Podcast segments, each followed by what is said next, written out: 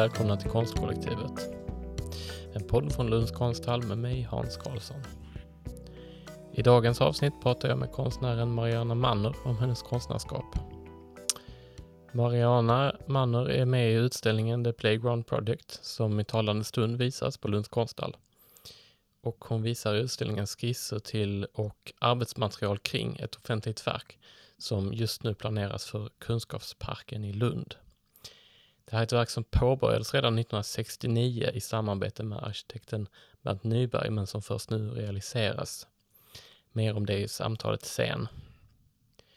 Ehm, jag ska säga att vid ett tillfälle i samtalet nämns filmen Kärlek 1 till 1000 och bara för att förtydliga så är det en film från 1967 som regisserades av Lennart Olsson. Då önskar jag alla en god lyssning.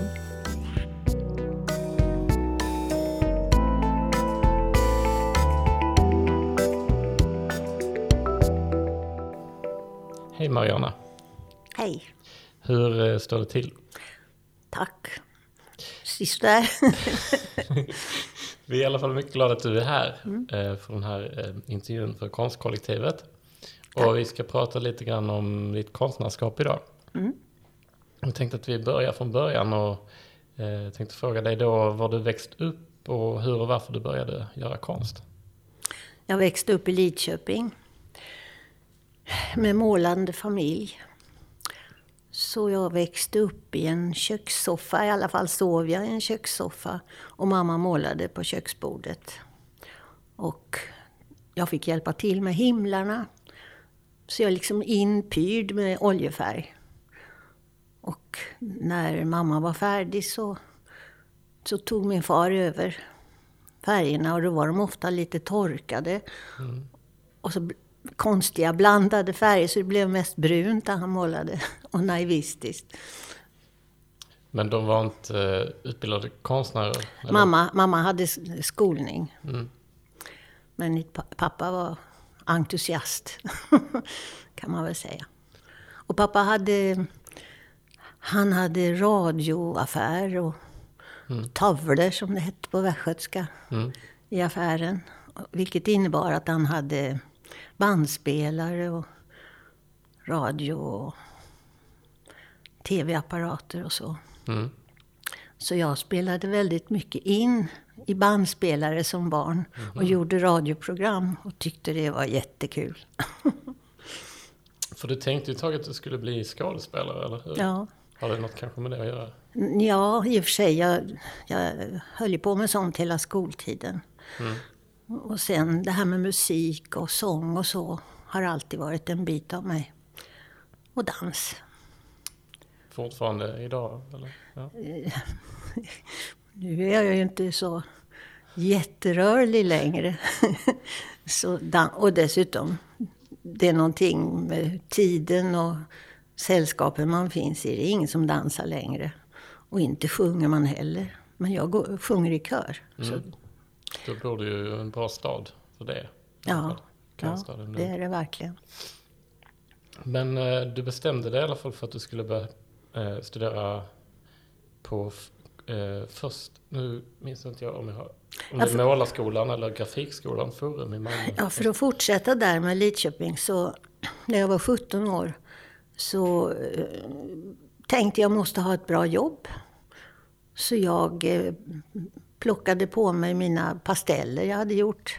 Clowner och dansöser och sånt. Och så gick jag upp till personalkontoret på Rörstrand och sökte jobb. Och fick, vilket var mycket inbilskt av mig tycker jag, men jag fick jobb som assistent till Inger Persson som mm. jobbar där och som var ganska ny. Hon var ung också. Kom direkt från Konstfack. Okay. Och det var för mig en skola, verkligen. Helt omvälvande. För det hon stod för det var helt annat än mina föräldrar och miljön och allt. Hon hade ren trä, träbokhyllor och träbord och vi hade precis annorlunda. Mm.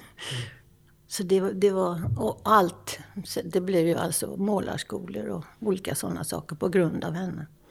Så det var hon som på riktigt satte igång det intresset? Ja, hon sparkade ut mig i livet. Ja. Ut, utifrån Lidköping. Vad fick du göra för henne?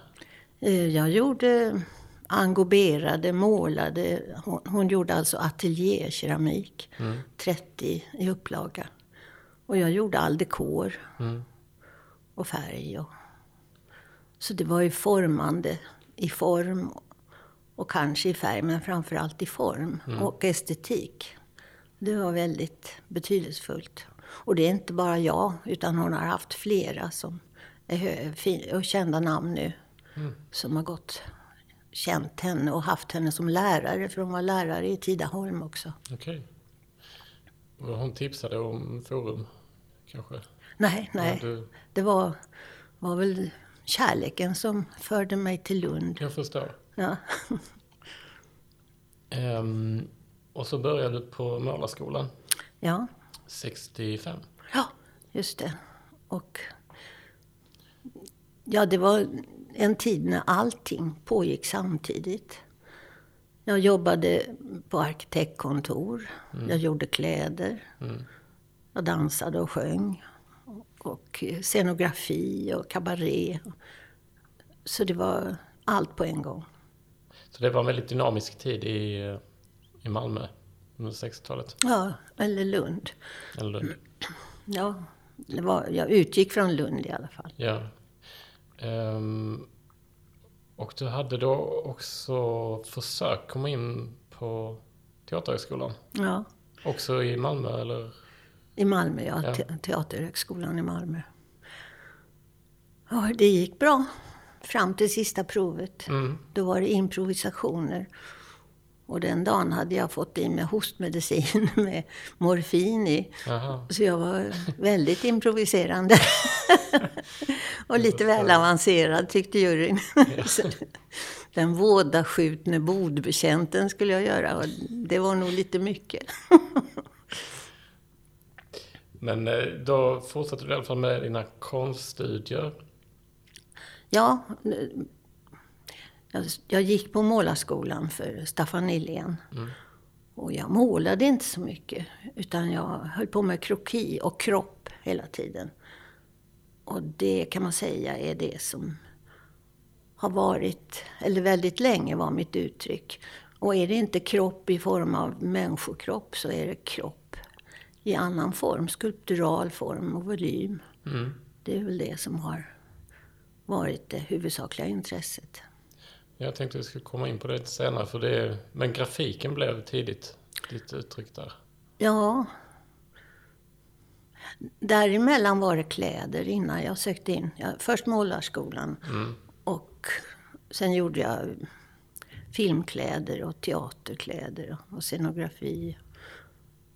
Och till grafikskolan sökte jag in med klädskisser. Och det var ju lite udda antar jag, men teckning har hela tiden varit basen. Vad var det i... eh, Vilken, vilka grafiska tekniker fäste du dig vid? I början så var det flatbitning, linjetsning Mm. och akvatint. Och flatbitning var ett sätt att få volym. Och så fyllde jag ut hela... Det var där mina erotiska bilder började. Och då var det kroppar som jag bet ner i... Ja, det var zinkplåt då, så man kunde få större relief. Och bet djupare och djupare gradvis. Vilket gjorde att man kunde få volymer som, som var släta. Det fanns ingen raster, ingen akvatint. Och sen färgades de in. Alla popé med en liten dabb. Okej. Så det blev som akvareller ungefär. Alla var olika. Men vad var det som... Eller vad tänker du om grafiken nu och vad tror du? Vad var det som fick dig att liksom eh, börja med det som arbetsmetod? Ja, exakt varför vet jag inte. Nej. Det var väl bara att kläder, som jag höll på med det då, Mm, kändes för lätt. jag förstår. Så jag ville ha något som var mer utmanande. Och konst kändes högtidligt och märkvärdigt. Så när jag kom in på, på grafikskolan, alltså jag hade gått på konstskol innan, men det var målarskola. Men det, ja, det, var, det var, kändes mer som lek. Mm. Men grafik kändes väldigt allvarligt.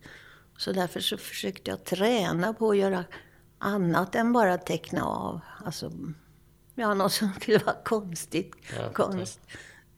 Och sen, ja, det blev med, någonting jag gjorde för mig själv, för min egen del. Mm. Så upplevde jag det. Men du hade en del utställningar där med 60 och 70-talet i grafik. Ja. Alltså jag hade ju då Bertil Lundberg på Grafikskolan. Han var lärare och vän. Ja. privat vän också. Och han, eh, han stimulerade alla sina elever starkt. Han fyllde på när han såg att någonting gick bra och att någonting såg bra ut. Så sa han, ah, så. Han sa aldrig att nej, det var inte bra, men han Nej. sa alltid positivt till allt som såg bra ut. Och på så vis så styrde han ju också. Mm, till det klart. ett väldigt bra sätt att styra på, ett positivt sätt. Och sen ville han att eh, alla som skulle vara konstnärer också skulle lära sig att ställa ut. Mm. Så därför så pushade han att vi skulle lämna in till jurybedömda utställningar. Och det gjorde jag till slut. Vilken blev din första utställning? Det var Skånes konstförenings höstsalong och Liljevalchs grafik triennal i Stockholm. Och de var samtidigt. Och det blev väldigt mycket sålt. Jag hade liksom mässling kring mina bilder. Och det var erotiska bilder. Mm. Måste kännas fantastiskt ju. Var Ja. två utställningar och så sälja. Ja, någonstans har jag aldrig begripit. Jag har inte, det har tagit en lång tid innan, jag, innan poletten föll ner. Att du är uppskattad. Ja, alltså, det var ju så mycket arbete. Jag skulle trycka alla de där bladen. Jag tror det var 60 stycken med de två utställningarna samtidigt. Och det var ju väldigt avancerat för mig som inte hade tryckt så mycket själv. Jag hade bara tryckt provtryck. Men det här blev ju upplagor. Just det, det blev en helt annan, eh, Mm. helt andra krav på produktionen. Ja. Och så, inte nog med det, jag gjorde passepartouter till alla också. Ja. Bara det. Ett stort arbete. Ja, det var det. Mm, Den här motivkretsen då som är i din grafik ofta det har varit ehm, Det är mycket som du säger kroppslighet, mycket kring sexualitet och lust. Eh, som ganska explicita bilder får man säga. Ehm, och sen så även ja, intresse för eh, kulturhistoria som inte är europeiska, bland annat japansk kultur. Vill du säga något om de här eh, motivkretsarna som finns? Ja, jag hade ju ett stort intresse för orientalism överhuvudtaget. Mm. Och det börjar väl med det indiska. Det, och de, även de första bilderna jag gjorde, det var det här med horror, vakui. Jag skulle fylla ut hela plåten med mönster. Det gick liksom inte att släppa. Det blev väldigt filigrant. Mm.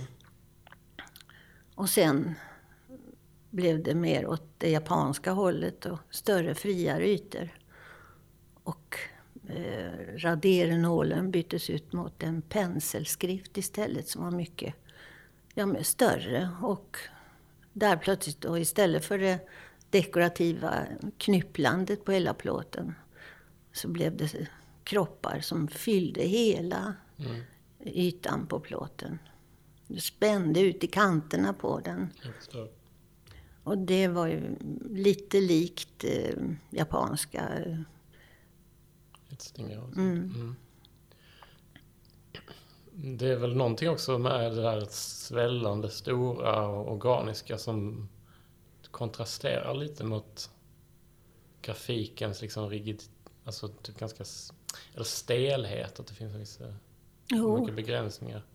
jo. Ja, men det, det, det var någonting med... Kan möjligen ha varit någon form av buddhism bakom. Mm. För jag hade läst och sett på buddhistiska skulpturer att de ville uttrycka ett svällande inifrån av människans godhet och Mm.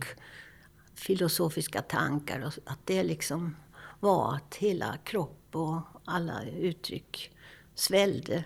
Mm. Och det var något, det ligger bakom fast nu är så långt efter oss. Jag, ja, det blir ju bara en konstruktion, men jag tror att det var något sånt. Fortfarande en möjlig tolkning, kan man tänka. Ja.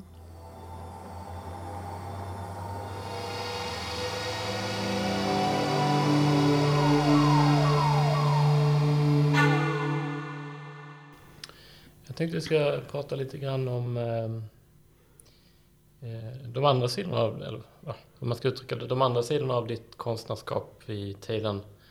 Eh, för samtidigt som du började arbeta med grafik så gjorde du också projekt som lutar mer åt design och arkitektur. Mm. Du gjorde kläder åt film och tv och eh, jobbade även sen eh, med Bernt Nyberg. Mm. Del som jag tänkte vi skulle prata om. Men om vi börjar med det här alltså mode eller um, klädskapandet du gjorde för film och tv. Mm. Vad, I vilket sammanhang var det? Ja, det var en följd av, eh, av målarskolan Ja. och grafikskolan. Jag, ja, det var nog exakt samma tid som jag höll på med det. Och en följd av eh, teater och ja, överhuvudtaget mitt eget intresse för scenframträdande. Så därför så, alltså det hänger ihop alltihopa. Ja, kroppen står ju onekligen i fokus också då. Mm. Men vilka produktioner jobbade du med? Kommer du ihåg det? Ja, jag vet inte vilken ordning. Någon, någon, Nej, men det, alltså, det var jag hade med egna kläder och Bernt Nybergs kläder. mm, Claes Ansem sa att Bernt Nyberg hade sin lekdräkt på sig. Jag, jag sydde alla kostymer och skjortor och allting. Så han var ju klädd i mina... I mina och, så och så utifrån det så blev det också utökat till en vänkrets. mm, Och sen mer Teater 23, scenografi och, Okej. och eh, kläder dit. Och En produktion med kinesiska, så det var ju också, allt hänger ihop. Och sen kom den här filmen mm, som utgick från Forsbergs produktion av kärleksböckerna.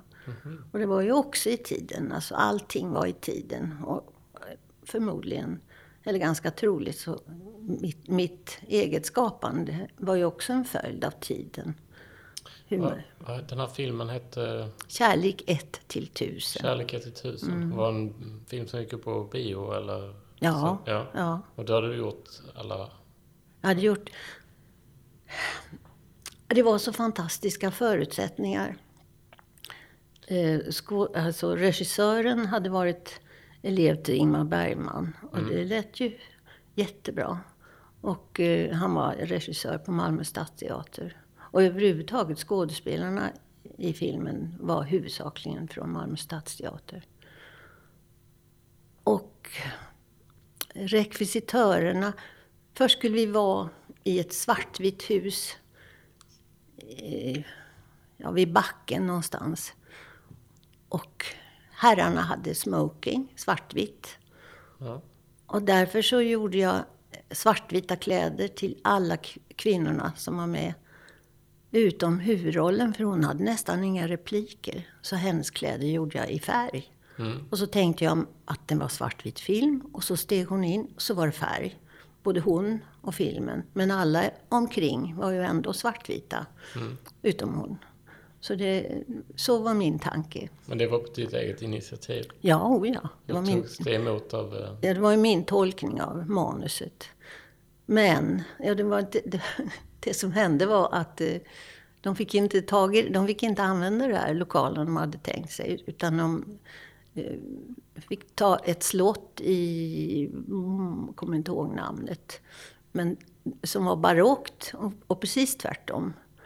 Och rekvis, rekvisitörerna samlade ihop en himmelens massa bråte så att det var överbelastat verkligen. Så det blev helt fel. Ja, det var tokigt. Och eh, filmaren hade hittat en särskild ljuskänslig, gråkänslig film. Och de hade inte råd med färg när huvudrollsinnehavaren kom in. Så allting blev liksom grå, grått, svartvitt ibland. Men när hon kom in så blev det grått. Det är inte alltid, det kan ju vara fantastiskt från alla håll utifrån Ja. de här många personerna som jobbar i en produktion. Alla har sin egen vision.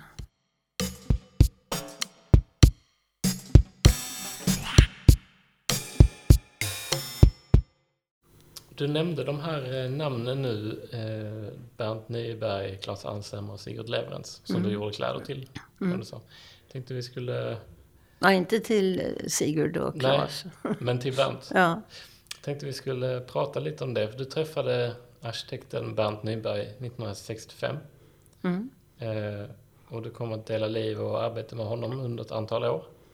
ja, det var åtta år och så jobbade vi ihop ytterligare några. Så det, Mm. det blev en rätt lång tid tillsammans. Ja. Ni flyttade in på Plommonvägen i Lund Mm. och hade gemensam ateljé. Eh, Framförallt eh, kontoret på Kontor. Bantorget, Okej. arkitektkontoret. Där fick jag eh, en del av kontoret. När en medarbetare slutade så gjordes det om till grafikverkstad. Mm. Och på så vis så fanns vi i samma lokaler. Så när, när något behövdes, när jag behövdes, så kom någon och hämtade mig. Och, och då fick jag springa in, bryta upp från jobbandet med grafik och direkt ad hoc sätta mig vid färdiga ritningar och rita in människor och träd och fylla dem med tusch.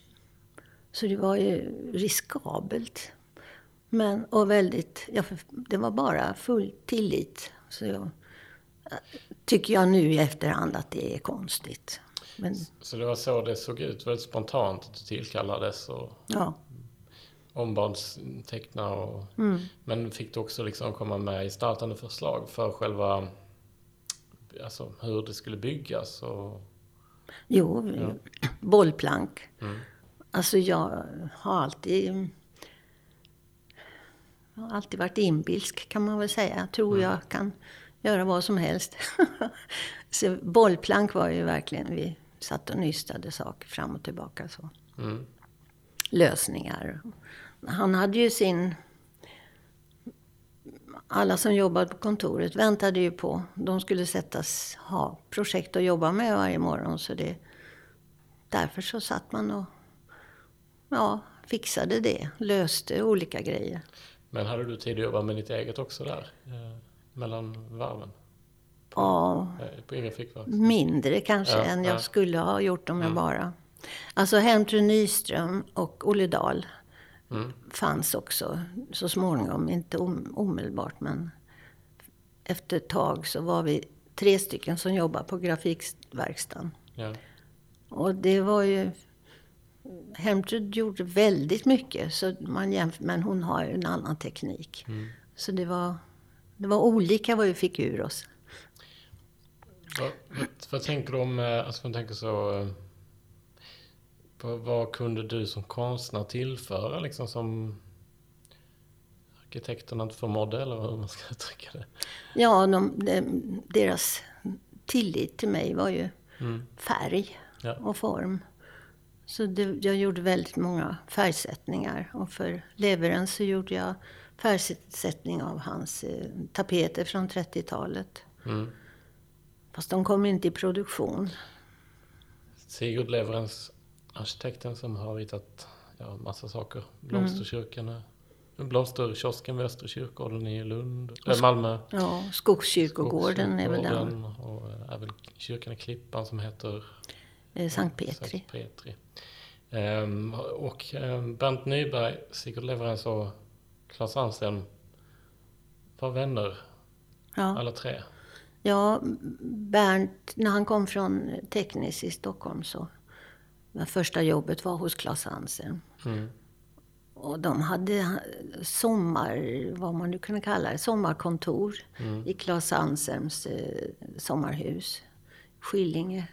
Så det blev ju en väldigt tätt arbete tillsammans. Mm. Och sen eh, Leverens kom något senare. Och han, blev, han var sjuk. Han bodde i Skanör, Skanör och blev ganska dålig. Och för att han skulle vara nära sjukhuset så ordnade Ansem snabbt. Han hade flera hus längs, längs Kävlingevägen. Mm. Så han såg till att det fanns ett hus som han kunde expandera och gjorde en, någonting som kommer att kallas den svarta lådan. Mm. Som var väldigt eh, experimentellt byggd. Med plyfabord. Plyfabord? Nej. As, asfabord heter det nog. Alltså sånt mjukt material. Okej. Men som var eh, bearbetat med asfalt. Så. Och folie på insidan. Ja, det var ju ett, alltså han hade haft i sin studio i Skanör eh, ett, eh, som var ett, en, vad heter det, en till, ingen tillbyggnad, ett uthus helt enkelt. Mm. Med väldigt lite fönster. Ett litet, litet fönster. Och genom att ha den här asfaborden som man hade hittat i England som eh, isolering i vägar. Så den, vad sa jag, asfabord, det här sil, Ja, silverpappret ja, ja. hade också ett lager av, eh, ja det var flera skikt. Mm. Så det var isolerande. Och det kanske funkade också som isolerande i det, i det här uthuset, för det var ju ett kallt utrymme. Men också att det reflekterade ljuset. just reflekterade ljuset. Mm. Eh, du, precis, så Claes Anselm är ju konst, eh, arkitekten som har ritat bland annat Lunds konsthall Ja, och Malmö konsthall. Säkert eh, många av våra lyssnare som känner till alla de här tre, men Mm. säger det ändå. Ehm, men eh, jag får också lite uppfattningen att eh, det är många som har vittnat om Sigurd Leverens tillbakadragenhet. ja, jag tror att bilden av Sigurd Leverens har blivit lite fel. Ja, Därför att man har förstärkt dem. Pressen och alla som har skrivit.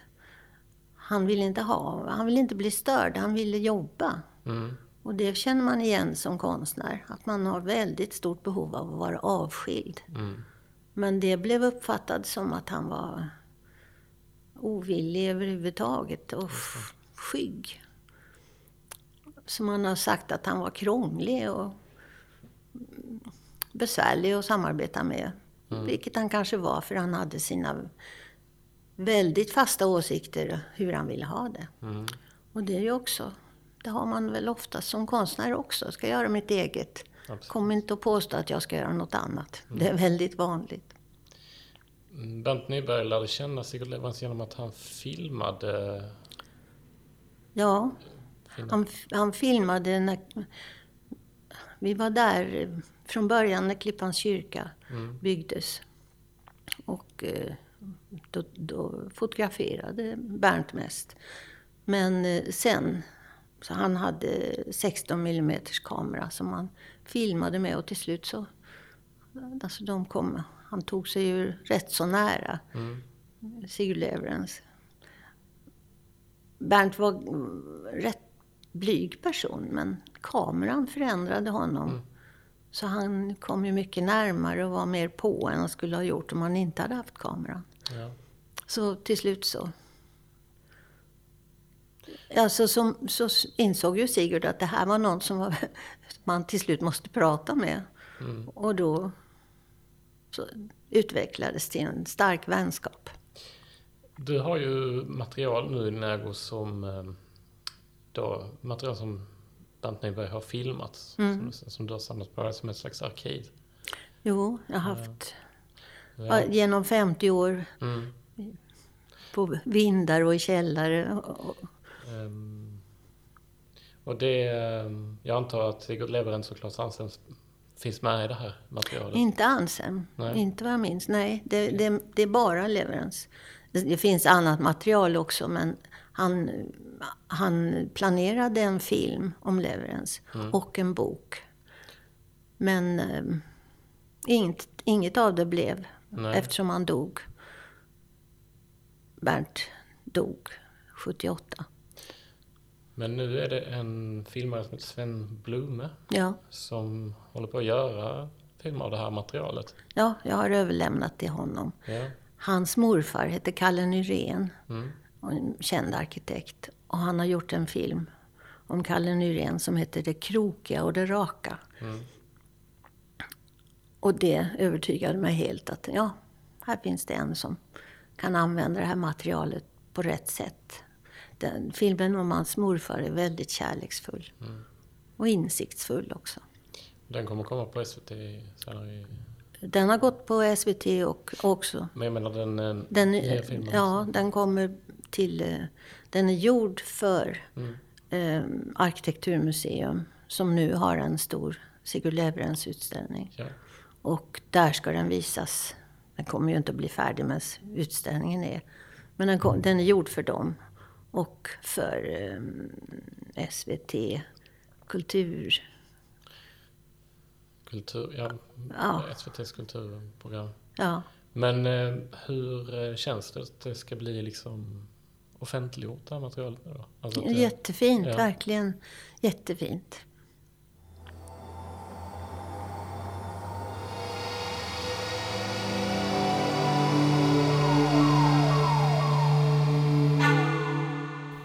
Tänkte vi skulle prata om ett specifikt eh, projekt som du och Bernt Nyberg jobbade med som också eh, visas material kring det i eh, den pågående utställningen på Lunds konsthall, Playground Project. Eh, och, eh, det är ett projekt som var ett eh, gestaltningsuppdrag som du och Bernt Nyberg ur, ursprungligen jobbade på för eh, Katedralskolan i Lund 1969. Och det var utformandet av en lekplats. Mm. Som nu då, eh, det här projektet lades ner.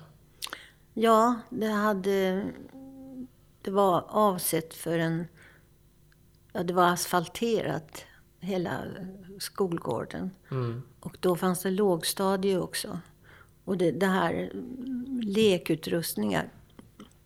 Ingen lekplats egentligen, men olika saker för dem att...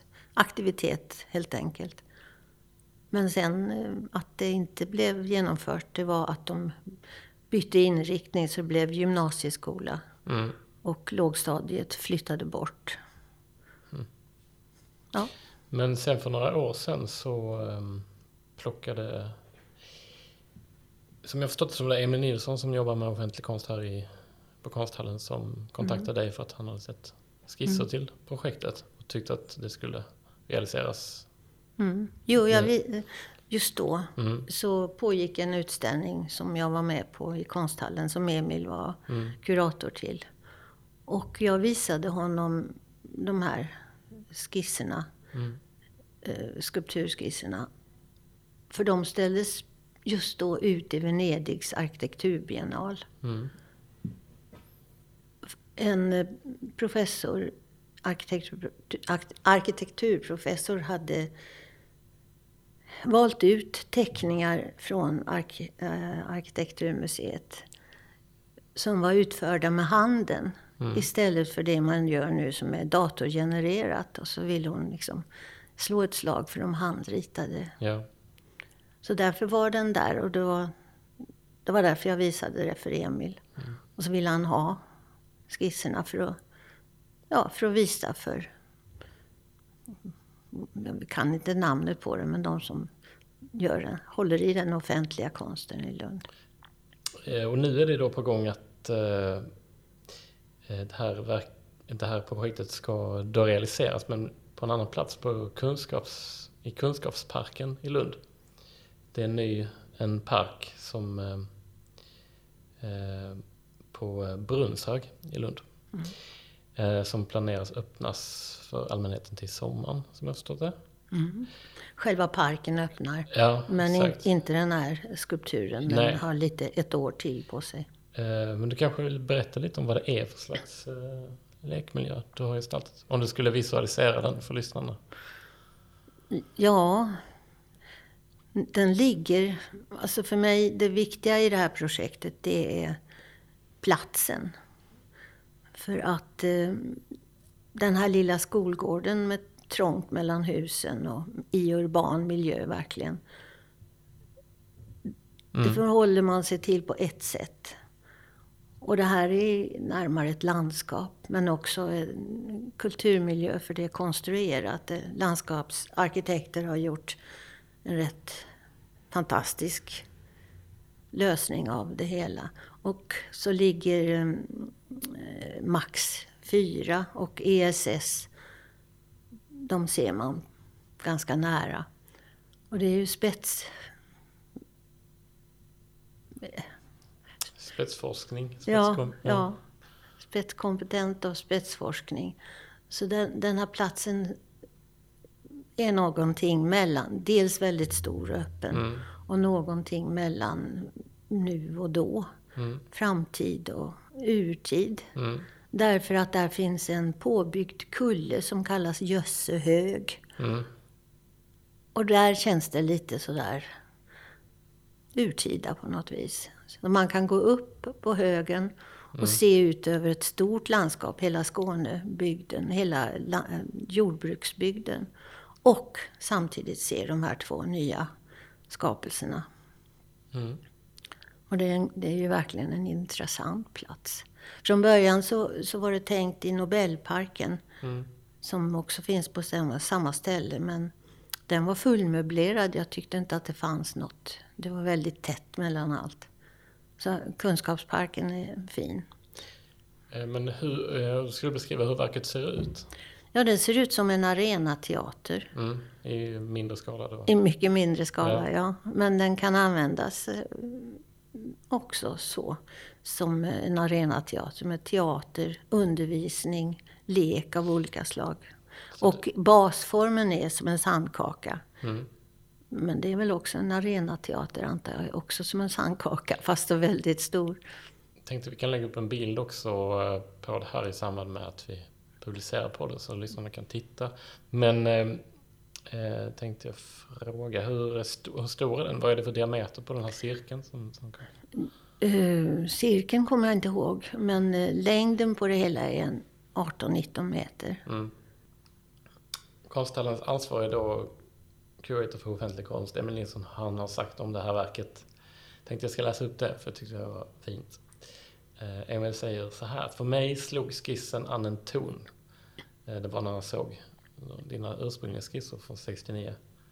Som gjorde mig väldigt nyfiken.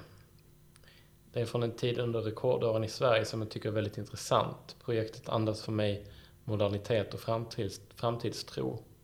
Dels genom den geometriska formen, dels genom att det tar fasta på barnens lek.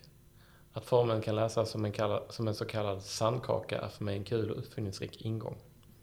Ja, nu har vi pratat lite om det här, men vad tänker du om det Emil säger?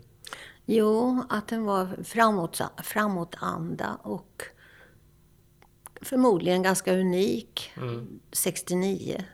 Idag finns det väldigt mycket redan utfört med liknande, kanske inte arenateatern och Sandkakan, men alla re- lekredskap som jag till exempel har tecknat där inne i konsthallen, de finns ju nu. De fanns inte då överhuvudtaget. Så, 69, 60 och 70-talet var väldigt kreativ och öppen och lekfull tid. På alla håll. Inte bara inom arkitektur utan ja, Samtidigt så, som du säger, så finns det ju något lite så arkaiskt över formen. Som du kanske då kommer framträda mer i det här nya sammanhanget. Som du säger. Att den, ja, eftersom det är en stor öppen plats. mm, Och alltså landskapsarkitekterna har gjort ett fantastiskt arbete. Plus, ja, det är ju samarbete antar jag. Man använder spillvärmen från Max 4 och ESS mm, som uppvärmning i husen. Och allt eh, dagvatten och regnvatten och så mm, är samlat i små sjöar. Så det är väldigt... Och sen är det mm, växtlighet, dels eh, ko- typ koloniområden och ja, alla möjliga typer av eh, platser att vara på. mm. Så den kommer ju att förändras med tiden. Nu är det ju helt nytt allting. Ja, spännande att se. Mm. Så det blir ju mer ett, ett landskap så småningom. Också en eh, spännande eh, grej med offentliga verk såklart, att de är där över så lång tid. Mm. Så sam, sammanhanget hinner ju förändras många gånger om Ja. Där de står. Det tänker jag blir ett fint avslut på det här samtalet. Mm. Tack för att du kom hit Marianne. Tack så mycket.